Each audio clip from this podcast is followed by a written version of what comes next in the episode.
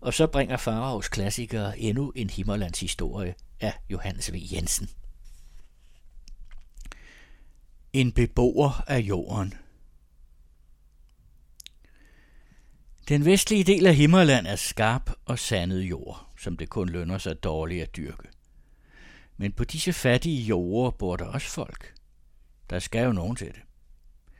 Beboerne af Vesterlandet er endda ikke så ringe folk. De må knibe, og derfor bliver nogle af dem velstående. Fra fjorden og nogle mil ind i landet går en bred banke med mange høje langsad. Det ser ud, som om den er blevet spildt af en kæmpe, i det han gik fra fjorden med sand og havde et hul i posen. Er til, når han har stået stille og grubliseret, er der løbet så meget sand ud, at der er blevet en høj. Der er også et savn på egnen om sådan en kæmpe. Et andet gammelt savn vil vide, at to tyre kom op og slås ude på Strandby Mark, og de sparkede så meget sand op, at vinden fik magt på stedet, og siden blæste banken ind i landet. Det kan lyde rimeligt nok. Utvivlsomt er det, at en sandflugt har dannet banken. Men det var god jord, der på den måde blev dækket til, og der er folk, der ikke kan glemme det. De ved, at den magre sandjord, de dyrker, ligger på muld. Så snart man kommer 8-10 alle ned, for eksempel ved brøndgravning, støder man på den sorte muldskorpe. Det er ikke allerbedst at leve, så at sige, på dobbelt bund, med bevidstheden om, at vilkårene kunne være bedre, men at muligheden derfor ligger begravet lige under ens fødder. Den jord, ingenting andet vil gro i, nøjes lykken med. Det meste af Vesterlandet ligger hen som hede. Her midt på Linderup Hede boede Vogn, Hedevogn, som de kaldte ham. Oprindeligt havde han hørt til længere nordpå, af Bjørnholm til. Han var kommet til egnen med henved 1000 kroner, som han i sin ungdom havde tjent sammen ved kalearbejde. For disse penge havde Vogn købt en stor strækning hede. Et bart og så godt som værdiløst areal. Folk spurgte ham sidenhen, hvorfor han havde gjort det, da der var gået en årrække, og Vogn ikke havde bestilt så meget som et spadestik ved sin hede. Jo, Vogn ville eje jord. Og hvor skulle han ellers forvare sine penge? I sparekassen, mente folk. Ja, den kunne gå for lidt. I landmandsbanken da. Det højtideligste sted, man vidste. Den kunne brænde. Forresten havde Vogn flere teorier om den sag også. Men når han begyndte at udvikle dem, kunne folk ikke følge ham. I hovedsagen gik de vist nok ud på, at jord var det eneste, man kunne eje. Lige midt på hedestykket havde Vogn sit hus. Det var ikke nemt at få øje på. Et par rafter, der stod midt i lyngen, kunne dog ingen ane betød noget. Men her boede Vogn. Han havde gravet sig en hule lige ned i jorden. Ovenover havde han lagt et par lægter og tækket efter med lyng. Selve hulen havde han foret med mos og hø. De to rafter, der var rejst oven til hulen, var Vogns spisekammer. På en snor, der var spændt imellem dem, vindtørrede Vogn sin føde. Der hang altid fuldt op af frø, fire ben og andre krybdyr, som dinglede i vinden. Vogn spiste dem efterhånden, som de blev tjenlige. Og alt, hvad omboende folk havde, der var blevet muldent og fordærvet, bad Vogn om at få. Når Vogn spurgte, at et selvdødt kreatur var blevet kastet ned, kom han og fik lov til at grave det op igen. Hestehoveder, der havde ligget nogle dage i jorden, var han især lysten for. Det var hans yndlingsspise. Hvordan kan du æde sådan noget? spurgte købmanden Vogn, en dag han var oppe i byen. Frøer og skrubtuser og andre dyr, der æder ved. Fy for skam. Har du nogen tid smagt dem? spurgte Vogn. Nej, det skulle købmanden ellers ikke få sig til. Ja, hvad kan du så sige om det? Så snakker du sagde Vogn, med den nærgående kulde, der var ham egen. Købmanden blev usikker, og Vogn satte ham fast, vendte op og ned på ham. Det var det, alle vidste om Vogn, at han var ualmindelig til at tale. Derfor blev han ikke gjort nar ad, som andre særlinge ellers plejer at blive. Man havde en vis agtelse for Vogn, der kunne sætte hver mand til vægs med sin kundskab, og Gud med – Katekismen kunne han sige fra den ene ende til den anden. Han behøvede kun at trække vejret, hvor andre vendte bladet. Desuden kunne vognen geografi, så vidt vides gamle Ingerslevs. Læse kunne vogn, men derimod havde han ikke lært at skrive.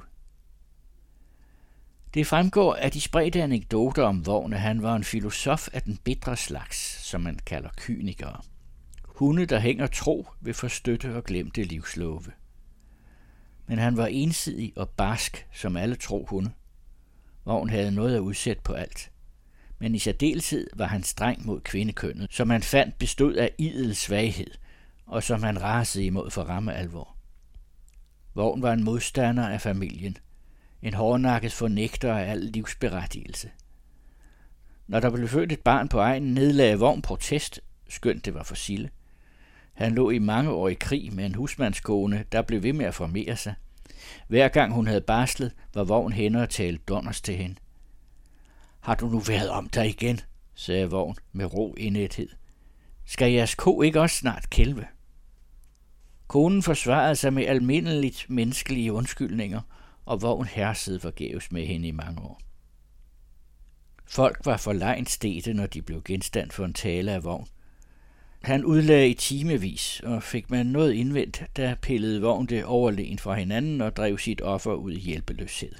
Hvad enten han nu beviste urimeligheden i at bruge penge, skidt metal og papir, eller han gjorde Gud ansvarlig for verdens totale mislykkethed – Vogn bestred ikke Guds fulde almagt, men han bebrejdede ham uforstand og gik skarpt i rette med ham som en Gud, der forføjede kortsynet og umyndigt. Og efter Vogns mening var det ikke blevet bedre, efter at Gud havde taget sin søn til hjælp og sat ham ind i tingene. Hele firmamentet havde gjort sig fortjent til mistillid i de år, der var gået siden begyndelsen. Vogn havde en underlig stemme, der var lav og skurrende, ligesom jordslået. Den lød ud fra et stust snavset skæg, i truende og sønderdelende som en profets. Desuden var Vogns sprog forskellig fra andres. Det kom af, at han levede så meget alene og lavede sig sine ord selv. Det, at han kunne geografi, bidrog også til hans sprog. Der kunne gå halve år hen, uden at man så noget til Vogn. Man fortalte, at Vogn skulle være kommet fra et hjem, hvor fattigdom og sult havde levet sammen med afmagt og nødtørft. Forældrene kunne knap bjerge føden til sig selv, men imidlertid blev de ved at få børn. Det ene væsen efter det andet blev bragt frem til nød og uselhed. I denne rotterede var vogn vokset op, og sulten havde lært ham det hadefulde nej og den knoklede livsvrede, der siden gjorde ham til eneboer. Under tiden kom vogn op til byen. Man så ham stavre afsted med to armtykke stager, de samme, der stod ved hans hus, når han var hjemme. De gjorde altså tjeneste som tørstativ og vandringsstave, og som nøgler til huset også på en måde. Vogn gik med en i hver hånd. De to krogede og afbarkede pilegrene var dobbelt så høje som han selv. Oppe i enderne var de omvundne med klude, hvad det nu skulle betyde. Vogn kom til byen for at hente brød, det vil sige, hvis der var et forkullet og ødelagt et at få uden betaling. Børnene i byen vidste gennem overlevering, at de burde flokkes om vogn og spørge ham, hvad hans kæppe hed. Han svarede altid villigt og med noget, der lignede et privat smil. Det er min far, og det er min mor. Så sang børnene, Vogn, når skal du giftes, Vogn? Børnene vidste ikke, hvorfor det kunne være morskab at spørge Vogn om det. Folkevidigheden havde gennem års udvælgelse bestemt sig for denne ene nål. Vogn svarede aldrig på spørgsmål. Han gik lige frem med sin forfærdelige kæppe stagende skiftevis på hver side, som om han målte vejen ud i fagne.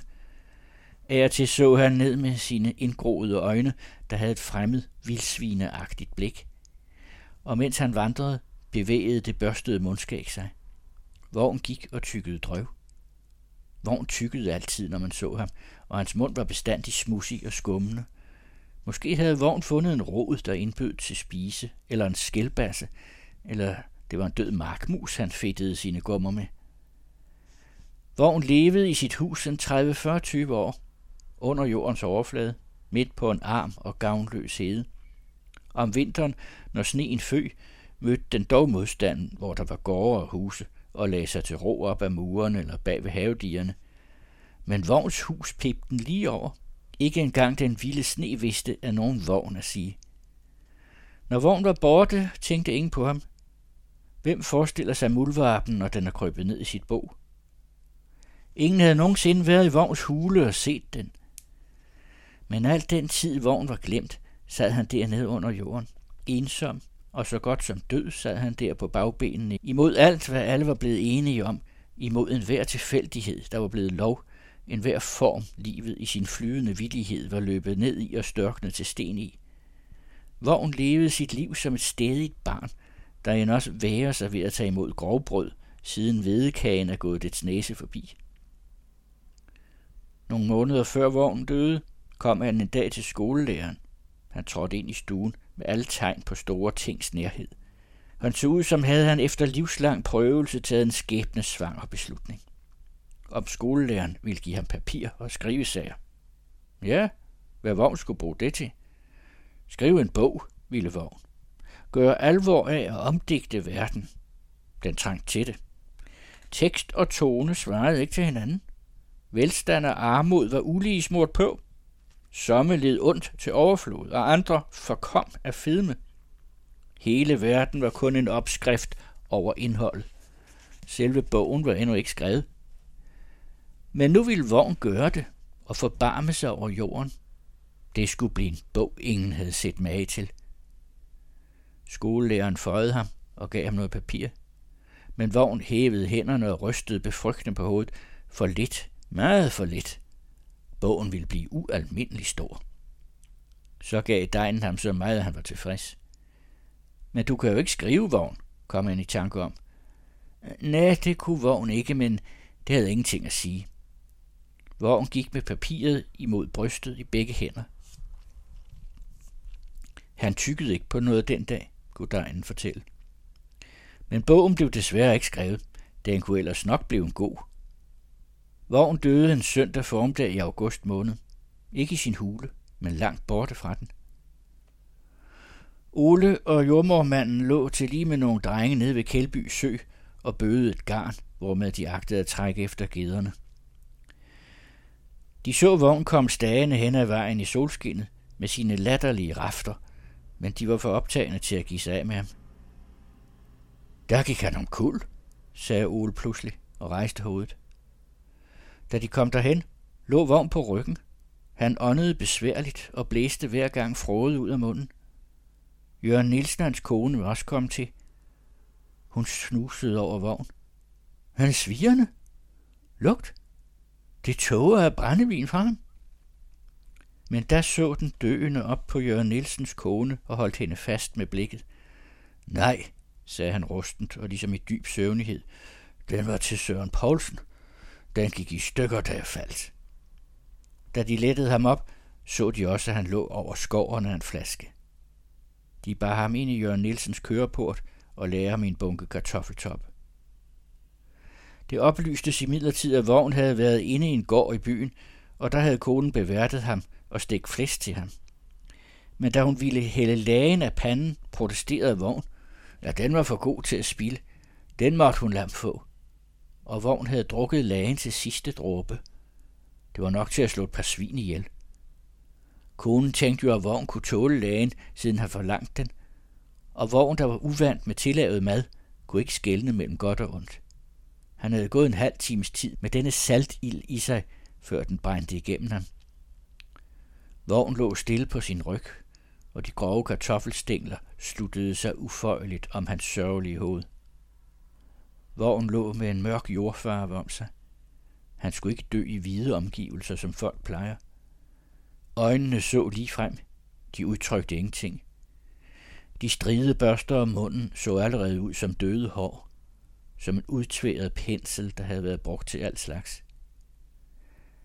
Drengene stod omkring vogn og mærkede den syrlige, sære ånde fra kartoffeltoppene og så manden synke dybere og dybere ned i det umagelige leje indtil det var som om han sad op. Munden lukkede sig. Vogns mulsorte hænder lå halvt åbne på hans bryst.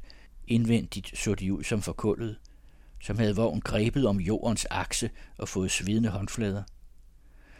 Men nu udtrykte disse to forlemmer endelig og uigenkaldelig afmagt. Drengene blev stående, sky og forsigtige, til de følte, at vognen ikke levede længere. Der kaldte de på Jørgen Nielsens kone. Hun kom til og klynkede barmhjertigt og tørrede hånden i forklædet. Så skød hun med to højtidligt udspilede fingre Vogns øjen lå ned over det brustne blik. Det var Carsten Farov, der læste En beboer af jorden, en af Johannes V. Jensens Himmerlands historier.